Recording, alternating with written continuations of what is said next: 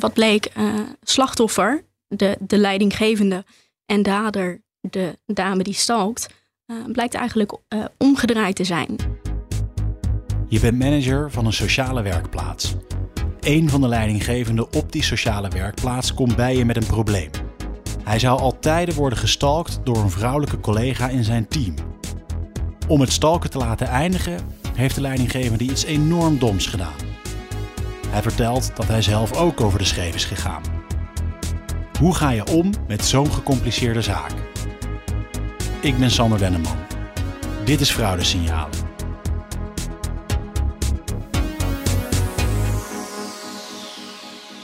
En in deze podcast geeft Martijn van de Beek, directeur bij Hofman, mij iedere aflevering een zaak waarnaar Hofman onderzoek heeft gedaan. Deze week stuurt Martijn mij opnieuw op pad met een dossier van seksueel grensoverschrijdend gedrag.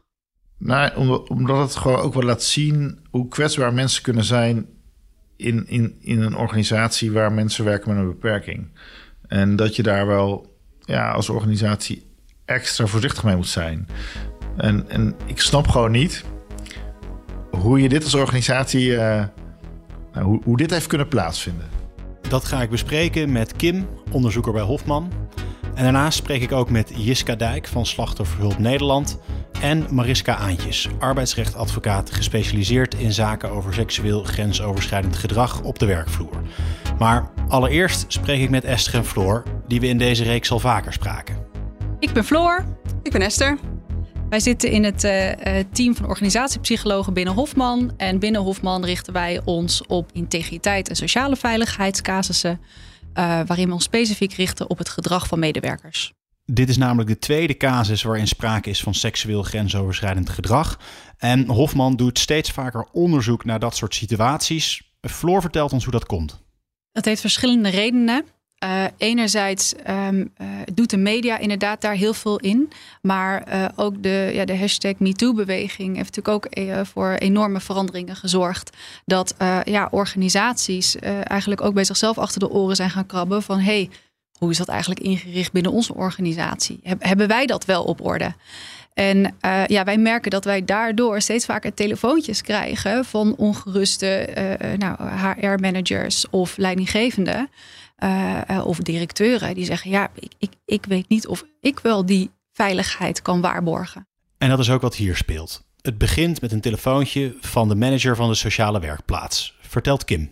Kim is de naam. Ik werk bij Hofman inmiddels uh, zes, zeven jaar bijna als onderzoeker fraude en integriteit. Um, kan je ons even meenemen naar hoe dit onderzoek bij jullie terecht is gekomen? Wat was de situatie? De situatie is dat de manager van de sociale werkplaats bij ons is gekomen met signalen die hij zou hebben ontvangen over een medewerker. Deze medewerker in kwestie zou haar leidinggevende stalken. En dat gesprek met die manager, dat leidt tot de start van het onderzoek. We spreken over een sociale werkplaats. Uh, de dame in kwestie die haar manager zou, of haar leidinggevende zou stalken, is uh, verstandelijk beperkt. Dus dat is ook nog wel goed om in het achterhoofd te houden. Nou, de eerste stap die we gezet hebben is uh, met die betreffende manager van die sociale werkplaats in gesprek gaan. We hebben een voorbespreking gehad uh, met die manager van joh, wat speelt er nou? Welke signalen heb jij dan ontvangen over dat stalken? Wat heeft die leidinggevende van die dame dan precies gezegd over dat stalken? Nou, die manager gaf dan aan dus, nou, dat hij haar stalkte, dat erg vervelend vond. En dat hij daarom die dame in kwestie maar een foto, een, een zogenoemde dickpic heeft gestuurd. En de manager, de, onze opdrachtgever dus, die gaf bij ons in het gesprek ook aan dat hij dat eigenlijk wel kon begrijpen. Dat wel logisch vond, omdat het nou al heel lang speelde volgens hem, dat stalken. En die leidinggevende zou die foto gestuurd hebben um, om, om, aan te geven van ja, nu is het klaar, hou er nou eens mee op met al dat stalken. Maar ja, zo'n foto sturen, dat is natuurlijk niet normaal. Dat vinden wij nogthans als onderzoekers uh, geen gebruikelijke handeling om te doen om iets te laten stoppen. Dus dat vonden wij vreemd en we gingen ook dus niet mee in die mening van die manager dat dat uh, gebruikelijk of normaal zou zijn. Bij Kim gaan direct alle alarmbellen af. Dit gedrag van de leidinggevende om de stalkingsituatie op te lossen is echt heel vreemd. Ze duikt er dieper in. Um, ja, die dikpik dus. Uh, die zou één keer zou dat verstuurd zijn uh, om haar gedrag te stoppen, het stalken te stoppen. En we zijn onderzoek gaan doen en wat bleek uit dat onderzoek kwam naar voren dat dat helemaal niet de eerste en enige foto is geweest. Ehm, maar dat dit al veel langer speelt en dat er veel meer foto's zijn gestuurd. Waardoor wij ons ook afvragen van ja, is die foto wel gestuurd echt om het te stoppen of speelt hier toch iets anders? Ehm, wat bleek, uh, slachtoffer, de, de leidinggevende en dader, de dame die stalkt, uh, blijkt eigenlijk uh, omgedraaid te zijn. Dus wat uit het onderzoek meer naar voren is gekomen, is dat eigenlijk de dame, die eerst als dader aangemerkt werd, slachtoffer blijkt te zijn. Want ehm, wat is nou? Schijnbaar zouden zij al jarenlang een seksuele relatie hebben. Of althans, van relatie kunnen we misschien niet echt spreken. Er zou al um, jaren seks plaatsvinden ja. tussen beiden. Waarbij de dame in kwestie het idee had dat er echt sprake was van een relatie. Maar uh, nou, uit de gesprekken uh, met onder andere de leidinggevende. ja, hij zag het alleen als seks eigenlijk. En zag het helemaal niet als een relatie. Want nou, wat hebben we dan dus gedaan? We zijn onder andere in gesprek gegaan met de leidinggevende en de dame in kwestie. Ja, en dat zijn natuurlijk lastige gesprekken. Ja. Nou, wat dus uiteindelijk uit het gesprek naar voren kwam met die leidinggevende, is dat hij de, uh, nou, noem het toch maar relatie, eigenlijk wilde verdoezelen. En om het uh, naar zijn leidinggevende uh, ja, maar buiten het zicht te houden, gaf hij het aan van ja, ik word gestalkt door haar, ik wil dit helemaal niet. en, en ja, het komt echt niet uit mijn initiatief, zij stalkt mij. Maar blijkbaar hield hij dit dus in stand om seks met haar te kunnen hebben. Kim ontdekte dus dat de situatie omgekeerd was. Niet de leidinggevende was het slachtoffer, maar de collega aan wie hij leiding gaf. Voor die leidinggevende was er eigenlijk geen sprake van een echte relatie, maar die collega ervaarde dat wel zo. En er bleek meer aan de hand toen Kim het slachtoffer sprak. Ja, de medewerkster, um, nou, dat, dat was allereerst natuurlijk een lastig gesprek. Iemand die verstandelijk beperkt is. Uh, elke gesprekspartner uh, gaan we heel voorzichtig mee in gesprek. Uh, iedereen ja, behandelen we gelijk. Maar dit was wel een extra lastig gesprek. En met name ook omdat de dame heel erg erin geloofde, ook zelf, dat zij hem zou stalken. Door haar verstandelijke beperking is zij zijn verhalen gaan geloven. zij dacht echt dat ze een relatie met hem had. Ja. En dat, dat, doordat hij ook tegen haar zei van... joh, je mag dit niet kenbaar maken het mag niet naar buiten komen, want anders moet je weg hier op je werk. Um, wilde zij het eigenlijk ook niet aan ons melden. We hebben ook echt heel lang met haar ja, in gesprek moeten zitten om het uiteindelijke verhaal naar boven uh, te krijgen. Omdat zij hem eigenlijk wilde beschermen. Zij geloofde in die relatie. Zij wilde ook niet dat hem iets overkwam, juist omdat ze zoveel om hem gaf. De medewerkster, het slachtoffer, ging dus volledig mee in het verhaal van de leidinggevende. Ik ga hierover in gesprek met Jiska Dijk van Slachtofferhulp Nederland.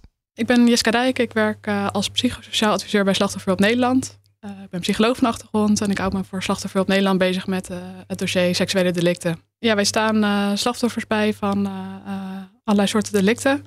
En dat doen we met emotionele ondersteuning, praktische ondersteuning en juridische ondersteuning. En haar vraag ik of het vaak voorkomt dat slachtoffers geloven in het verhaal van de dader. Um, nou, natuurlijk thema's spelen die heel vaak een rol spelen bij seksueel misbruik. en dat is dat um, uh, als de leger en het slachtoffer elkaar kennen, uh, er vaak ook positieve interactie is. Dus dat ze elkaar aardig vinden of grapjes maken met elkaar. Uh, het uh, ook gezellig hebben met elkaar. En dat daar dan, als daar dan een misbruikaspect bij komt kijken, dat het slachtoffer in verwarring kan raken. Ehm, dat iemand die aardig tegen jou doet ook vervelende dingen doet, dat is niet zo goed met elkaar te rijmen. en slachtoffers zijn vaak ook loyaal. ze gaan niet iemand verraden die ze eigenlijk aardig vinden. En aan de andere kant speelt erbij dat plegers vaak inzetten op geheimhouding. Dus uh, het zo framen dat een slachtoffer denkt het is oké wat er gebeurt. Of het ligt aan mij wat er gebeurt. En dat is bij het geval van stalking. Hè? Ik word gestalkt door jou. Ja. Zie je eigenlijk een omdraaiing van wat er aan de hand is. Waardoor het slachtoffer denkt uh, het ligt aan mij. Zelf twijfelen of ze wel slachtoffer zijn, bedoel je dat? Ja, dat stuk. Maar ook um, als ik nu ga vertellen wat er aan de hand is, dan raakt mijn uh, leidinggevende zijn baan misschien wel kwijt. Um, hè, dus iemand waar, op wie je ook gesteld bent, uh, ga je ook allerlei negatieve consequenties mee opzadelen.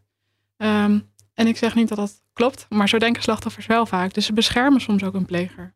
En dat er gevolgen zijn na een melding, dat klopt ook wel, vertelt Jiska. Uit onderzoek blijkt ook dat uh, een derde van de Nederlanders denkt dat als je iets zegt over uh, grensoverschrijdend gedrag op de werkvloer, dat dat consequenties heeft voor je baan. Is het meer een, een een irreële angst of ook een terechte angst? Ja, consequenties is natuurlijk een heel breed begrip. Het heeft altijd consequenties. Um, omdat er een proces op gang komt waar, uh, waarbij mensen willen achterhalen of het echt gebeurd is wat je hebt verteld. Um, wat ook consequenties heeft voor de collega die, uh, waarvan je zegt dat hij hier grens is overgegaan. Uh, dus hoe dan ook heeft het consequenties voor je functioneren. Dus ook bij deze melding door het slachtoffer. Er werd namelijk een onderzoek ingesteld. Terug naar Kim. Want dit onderzoek lijkt me extra precair. Het gaat hier immers om een sociale werkplaats waar mensen werken die nog kwetsbaarder zijn. Ik vraag Kim hoe ze dat heeft aangepakt. Ja, eigenlijk geldt dat voor elk gesprek um, uh, rust en begrip hebben voor de gesprekspartner. De gesprekspartner zit met iets, of het nou een slachtoffer of een dader is, die zit met een verhaal die uh, hij of zij eigenlijk uh, geheim wil houden, niet wil melden. En wat wij dus doen is in een soort werkrelatie zien te komen, met elkaar in gesprek gaan en ja, empathie tonen. de gesprekspartner moet zich veilig voelen om het verhaal bij ons neer te leggen. En dat duurt, uh, de ene keer is dat zogenaamd heel kort en ligt het verhaal zo op tafel. En de andere keer duurt dat wat langer. Kijk, wij geven nooit geen informatieprijs. Wij spelen geen informatie uit. Maar op een gegeven moment wisten wij natuurlijk dat het verhaal dat zij deed niet kloppend was. Doordat zij steeds bij ons aangaf van nee, um, ik stalk hem. Um, ja, moesten we haar wel in laten zien van joh, volgens mij is het verhaal anders. En vertellen ze het echte verhaal. Wat, wat heel fijn was, is dat er uh, bij deze dame ook wel twee mensen bij zaten. Twee dames die haar ook goed kenden. Dus haar daar op een gegeven moment ook in konden steunen. Van joh, het, het is goed, het is veilig. Je mag het werkelijke verhaal doen. En toen kwam dus uiteindelijk het verhaal eruit dat zij het idee had dat zij een relatie met hem had en heel veel om deze man gaf. Dat gesprek met dat slachtoffer, dat lijkt me enorm lastig. Tegelijkertijd dat we, lijkt het me ook lastig om met die leidinggevende, die al zo lang zo'n uh, verhaal uh, volhoudt, om daar een gesprek mee te voeren en ja, ervoor te zorgen dat hij vertelt wat er nou echt aan de hand is. Ja, precies. Dat is ook zo. Dat is heel lastig.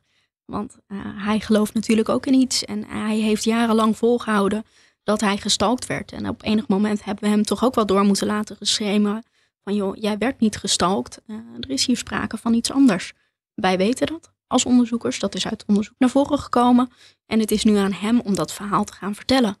Maar goed, hij moet jou dat verhaal uh, ja, wel gunnen. Uh, en dat verhaal uiteindelijk wel gaan willen vertellen. En dat duurt even voordat iemand daarmee over de brug komt. Ja, want hoe zorg je er nou voor dat iemand jou dat verhaal gunt? Ja, dat is uh, een goede vraag. Ja, sowieso gesprekstechnieken. Goed doorvragen, maar vooral ook die persoon zich op zijn gemak laten voelen. Hoe gek het ook klinkt. we weten wat meneer gedaan heeft. En, dat hij eigenlijk dader is, tussen haakjes. Maar dan helpt het niet om met de vuist op tafel te slaan en uh, nou, de beschuldigingen richting hem te noemen. Hij moet zijn verhaal doen, het is zijn verhaal. En wij kunnen hem eigenlijk alleen vragen zijn verhaal te doen. En wat ik net al noemde, een werkrelatie wat je gaat opbouwen en gaat creëren. Dat is wat we in dat gesprek doen. En die persoon zich uh, ja, rustig laten voelen en veilig laten voelen om dat verhaal te vertellen uiteindelijk. Een casus die begint als een zaak van stalking, eindigt in een heftige kwestie van seksueel grensoverschrijdend gedrag door een leidinggevende die werkt met een kwetsbare collega. Toen de manager van de sociale werkplaats de eerste keer met Kim sprak, geloofde hij het verhaal van de leidinggevende. Maar hoe reageerde hij toen hij geconfronteerd werd met de uitkomsten van het onderzoek? Die gaf eigenlijk aan een behoorlijk naïef te zijn geweest die was natuurlijk verbaasd en uh, die kon dit totaal niet plaatsen uh, in zijn wereldbeeld. In het beeld dat hij had bijvoorbeeld van die manager of van die leidinggevende van de dame. Ja, hij, hij, voor zijn gevoel um, rijmde het beeld dat hij had met die persoon niet met het gedrag wat hij vertoonde. Nee, totaal niet. Nee, en, en hij zag het gewoon niet onder zijn neus gebeuren. Hoe heeft dit zo lang kunnen doorgaan? Ja, door het niet doorvragen uh, van die manager en het aannemen van dat het zo is. En misschien had hij eerder inderdaad moeten onderzoeken of er echt sprake was van stalking. Nou, moet ik wel zeggen dat dat wel is gedaan. Want er zijn meerdere gesprekken met de dame in kwestie geweest. En uh, bleef de stalking zo gezegd doorgaan. Uh, maar dat is het verhaal van de leidinggevende geweest. Die natuurlijk dit verhaal heel graag in stand wilde houden. Dus door verder door de organisatie uh, nog te praten en in gesprek te gaan, kan je misschien horen dat zaken anders uh, zijn dan je afhankelijk doet vermoeden. De manager kon zich dus niet voorstellen dat die leidinggevende dit had gedaan. Maar de uitkomsten van dit onderzoek zijn zonneklaar. De betreffende leidinggevende heeft trouwens uiteindelijk uit eigen beweging afscheid genomen van de organisatie. Ik praat over deze situatie door met Mariska Aantjes. Ik ben Mariska Aantjes, advocaat gespecialiseerd in arbeidsrecht en ambtenarenrecht. Ik ben ruim 25 jaar in advocatuur werkzaam. En verder ben ik ook mediator in arbeidsgeschillen. Ik heb mijn eigen kantoor in Den Haag en werk voor zowel werkgevers als werknemers, omdat ik dat leuk vind. En ook omdat ik eh, vind dat ik een beter advocaat ben als ik mezelf goed kan inleven in de wederpartij. Ik zie met name de laatste tijd zaken die gaan over grensoverschrijdend gedrag. En Mariska heeft wel een vermoeden hoe het komt dat leidinggevenden eerder worden geloofd dan andere medewerkers. Ik denk dat dat komt doordat in veel organisaties leidinggevenden eerder worden geloofd. En dat kan allerlei oorzaken hebben. Zij hebben over het algemeen een betere band met hun eigen leidinggevende, omdat ze daarmee vergaderingen hebben. Ze hebben misschien een band opgebouwd. Ze gaan naar hijsessies met elkaar. Uh, en de afstand van de leidinggevende met de ondergeschikte is vaak groter. Daarnaast is het in het algemeen zo dat uh, de leidinggevende eerder cognitief sterk zal zijn, of cognitief sterker zal zijn dan de ondergeschikte. En ook verbaal sterker. En handiger wellicht ook met het verklaren van situaties en verklaren van gedrag. Leidinggevenden staan dus vaak sterker tegenover het management vanwege hun positie en hun cognitieve vaardigheden. En in dit specifieke geval, waarin het slachtoffer een verstandelijke beperking had, zal dat nog meer zo zijn geweest. Zij was extra kwetsbaar. Maar toch, los van deze casus, waarin dat evident zo is, moet je in zijn algemeenheid voorzichtig zijn met stereotyperingen, vindt Jiska van Slachtofferhulp. Maar ik vind het wel gevaarlijk om te spreken over bepaalde kwetsbaarheden. Ehm, want slachtoffers zijn niet per definitie kwetsbare mensen. Dat kan iedereen overkomen. Het meest overzichtelijk is een beeld van alle daders zijn hele enge, uh, gevaarlijke mensen. En alle slachtoffers zijn kwetsbare jonge uh, meisjes, bij wijze van spreken. Ja. Um, maar daarbij mis je een hele grote groep in de maatschappij die ook slachtoffer kan zijn. En die misschien wel man is en sterk en weerbaar, maar toch slachtoffer wordt van uh, seksueel geweld. Dus je moet denk ik heel erg oppassen om dat zo in stereotypen uh, weer te geven. Maar zolang we daar uh, niet bij stilstaan, uh, kunnen we eigenlijk ook het seksueel geweld eh, niet signaleren en niet aanpakken. Je moet dus een open blik houden in zaken van seksueel grensoverschrijdend gedrag. Nu speelt deze casus zich natuurlijk af in een sociale werkplaats. Er was dus evident sprake van een kwetsbare collega. Maar zelfs in dit geval is er met een open blik te werk gegaan. Want je moet het serieus nemen. Uh, ja, uh, je moet niet de persoon in kwestie wegsturen en zeggen dat het niet zo is. Maar je moet ook niet dat meteen voor waarheid aannemen. Um, dus serieus nemen is denk ik, uh, ga onderzoek doen. En um, ja, zoek, het, zoek het goed uit en, en, zoek die melding uit. Is het nou echt zo zoals de het slachtoffer beweert? Of zit de vork misschien anders in de stil? Ja, en en toch kan ik me voorstellen dat bedrijven zoiets hebben ja, maar ik wil gewoon meteen handelen. Ik wil gewoon zorgen dat het stopt. Dat diegene, die rotte appel, het bedrijf uit is. Ja, die rotte appel, je zegt het al. Er wordt eigenlijk direct meteen uh, een aanname gedaan dat het zo is. En wees jezelf er wel van bewust. Als zo iemand inderdaad direct op non-actief wordt gezet, wordt geschorst... dan kan dat in sommige gevallen heel veel schade toedoen. Want wat nou als een dader uiteindelijk slachtoffer blijkt te zijn? Ja, dan maak je nog meer stuk. Ja, dus dat betekent dat je een pas op de plaats moet nemen. Precies. Ja, hou de rust. Neem de melding aan. Uh, maar hou dan vervolgens wel je hoofd koel. Cool. En um, ja, ga goed na wat je moet doen. Iedere melding moet dus serieus genomen worden, maar er moet ook een kritische houding zijn om fouten te voorkomen. Dat is natuurlijk achteraf. Ik wil weten welke verantwoordelijkheid deze werkgever had om deze situatie te voorkomen. Daarover praat ik met Mariska Aantjes die werkgever die, die weet dat hij uh, een organisatie heeft waarin uh, verstandelijk beperkten werkzaam zijn, als ondergeschikte van leidinggevenden die cognitief sterker zijn. En dan heb je wel de plicht als werkgever om die mensen beter te beschermen. In dit geval was er helemaal geen bescherming. Niemand had het door, het was niet in de gaten gehouden. En dan uh, kom je er ook niet, denk ik, met een protocol. Maar dan moet je echt actief wel eens de vloer op om te vragen hoe het met mensen gaat. Als hoogste in rang bij deze sociale werkplaats had de manager van de leidinggevende dus een extra zorgplicht om ervoor te zorgen dat die leidinggevende niet over de schreef zou gaan. Maar ook voor andere organisaties geldt dat er meer aandacht moet zijn voor de positie van leidinggevende, vinden organisatiepsychologen Floor en Esther. Leidinggevenden die hebben een voorbeeldrol, een hele duidelijke voorbeeldrol. En heel veel leidinggevenden die beseffen zich niet dat ze zich in die rol bevinden. Uh, dat zorgt ervoor dat uh, nou, mensen soms geen erg erin hebben wat het effect van hun gedrag is. Dus eigenlijk wil je ook met de leidinggevende aan de slag dat zij zich beseffen van de, de, de, voorbeeldrol waar zij zich in bevinden en zich daar ook naar gaan gedragen. Ja, van boven is de piramide altijd plat. Hè? Dus vaak is men zich daar niet bewust wat hun functie is en hoe mensen naar hen kijken.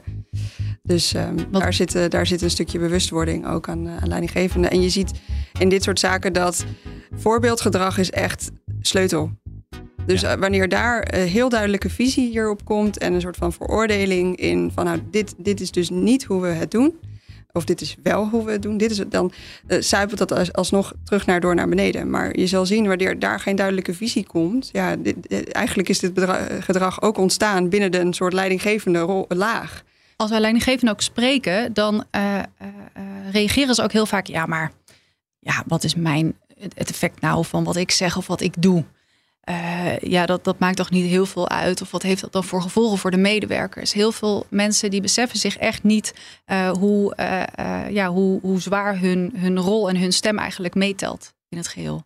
Bewustwording dus over de rol van leidinggevende. Maar wat kan je nou concreet doen om situaties van seksueel grensoverschrijdend gedrag in organisaties te voorkomen? Jiska. Ik denk dat het heel erg gaat over in gesprek zijn met elkaar. Uh, dus benoem, vraag er naar, zijn er relaties op de werkvloer? Hoe gaan jullie daarmee om? Um, uh, heb je wel eens een onveilige situatie meegemaakt? Voel je wel eens ongemakkelijk in het bijzijn van collega's? En je kunt daar een, een gesprek over voeren met elkaar. En op het moment dat je je zorgen maakt, dat ook serieus nemen. Het is heel makkelijk om weg te kijken, want het heeft heel veel consequenties als je ja. uh, wel iets signaleert en daarmee moet. Uh, mensen zijn bang om iemand onterecht te beschuldigen. Er zat onrust in een bedrijf, dus er is ook wel een incentive om weg te kijken. En Mariska vult aan. Ik denk dat je er heel open over moet zijn. De drempel moet omlaag. Um, dus dat, je, dat iedereen weet waar je naartoe moet met je klacht. En dan is het ook makkelijker um, wanneer iemand over de schreef gaat om daar je verhaal te doen. En zorg ook dat iedereen weet bij wie je terecht kan. Want dat is ook lang niet altijd duidelijk. En dat dat iemand is die vertrouwen wekt. Organisaties moeten dus beginnen met een veel meer open gesprek over grensoverschrijdend gedrag op de werkvloer. En de drempel om te melden moet omlaag. Die omslag is al gaande, vertelde Esther en Floor aan het begin van deze aflevering. Mede onder invloed van de media. Uh, nou, de media heeft daarnaast ook een ander effect. Namelijk wat wij zien, uh, uh, organisaties liggen nu onder een vergrootglas door de media. Um, waardoor ja, bedrijven ook in die zin een zekere druk voelen dat zij niet ja, negatief in de media willen komen. En er zeker van willen zijn dat zij het intern goed geregeld hebben met hun medewerkers. En dat hun medewerkers zich wel veilig voelen. Want ja, het kan ook voor ima imago-schade natuurlijk leiden. Onder maatschappelijke druk hebben organisaties dus meer zorg en aandacht gekregen voor situaties van seksueel grensoverschrijdend gedrag. En wat interessant is, is dat de juridische kijk hierop en dus de gevolgen voor bedrijven ook veranderen. Dat vertelt advocaat Mariska. Ja, dat zie je eigenlijk al vanaf MeToo. En dat heeft een vlucht genomen na The Voice, de uitzending van The Voice. Um, vijf jaar geleden schreef ik bijvoorbeeld een, een, blog over een bankbediende. Die had bij een personeelsuitje een vrouwelijke collega op de billen getikt en uh, betast. Ja. Uh, zij was uiteindelijk gevlucht naar de wc. Um, hij werd op, op, staande voet ontslagen, maar de rechter die, die draaide toen dat ontslag terug. En die zei, nou ja, je collega die is toch naar de wc gevlucht. Ja, dat is nu denk ik wel ondenkbaar ja, dat, dat... in de rechtspraak. En je ziet ook daar een kentering. Wat voor invloed heeft de media nou op, uh, op de rechtspraak, op hoe rechters hier naar kijken? Ik denk een behoorlijk grote invloed. Omdat uh, ik anders niet kan verklaren waar die omslag van komt. Van, van uh, de zaken zoals je een paar jaar geleden zag, naar de zaken van het afgelopen jaar. Want met name in 2022 zijn er veel zaken geweest die gingen over grensoverschrijdend gedrag. Ook denk ik omdat mensen daar veel eerder voor uitkomen en, en naar voren stappen van hé, hey, het is mij ook overkomen. Ehm, maar je ziet ook dat de rechter dit afstraft, meer afstraft, makkelijker afstraft dan voorheen. Er verandert dus echt wat binnen bedrijven en voor de gevolgen die het voor bedrijven heeft. Organisatiepsycholoog Esther is dan ook voorzichtig positief. Ja, bedrijven zijn zoekende naar hoe gaan we onze verantwoordelijkheid hierin nemen. En je ziet gewoon dat het ook een stukje tijdsgeest is. Dus uh, als ik kijk naar, nou, ik weet niet hoeveel jaren geleden, maar dan zijn we ook niet gewend om veiligheidsschoenen te dragen op, uh, op locaties waar we dat nu hè, dagelijks doen en daar niet eens meer vragen over stellen. En uh, zo zie je eigenlijk dat naast fysieke veiligheid, waar veel organisaties al heel veel stappen hebben gemaakt, nu ook sociale veiligheid een grote rol gaat spelen.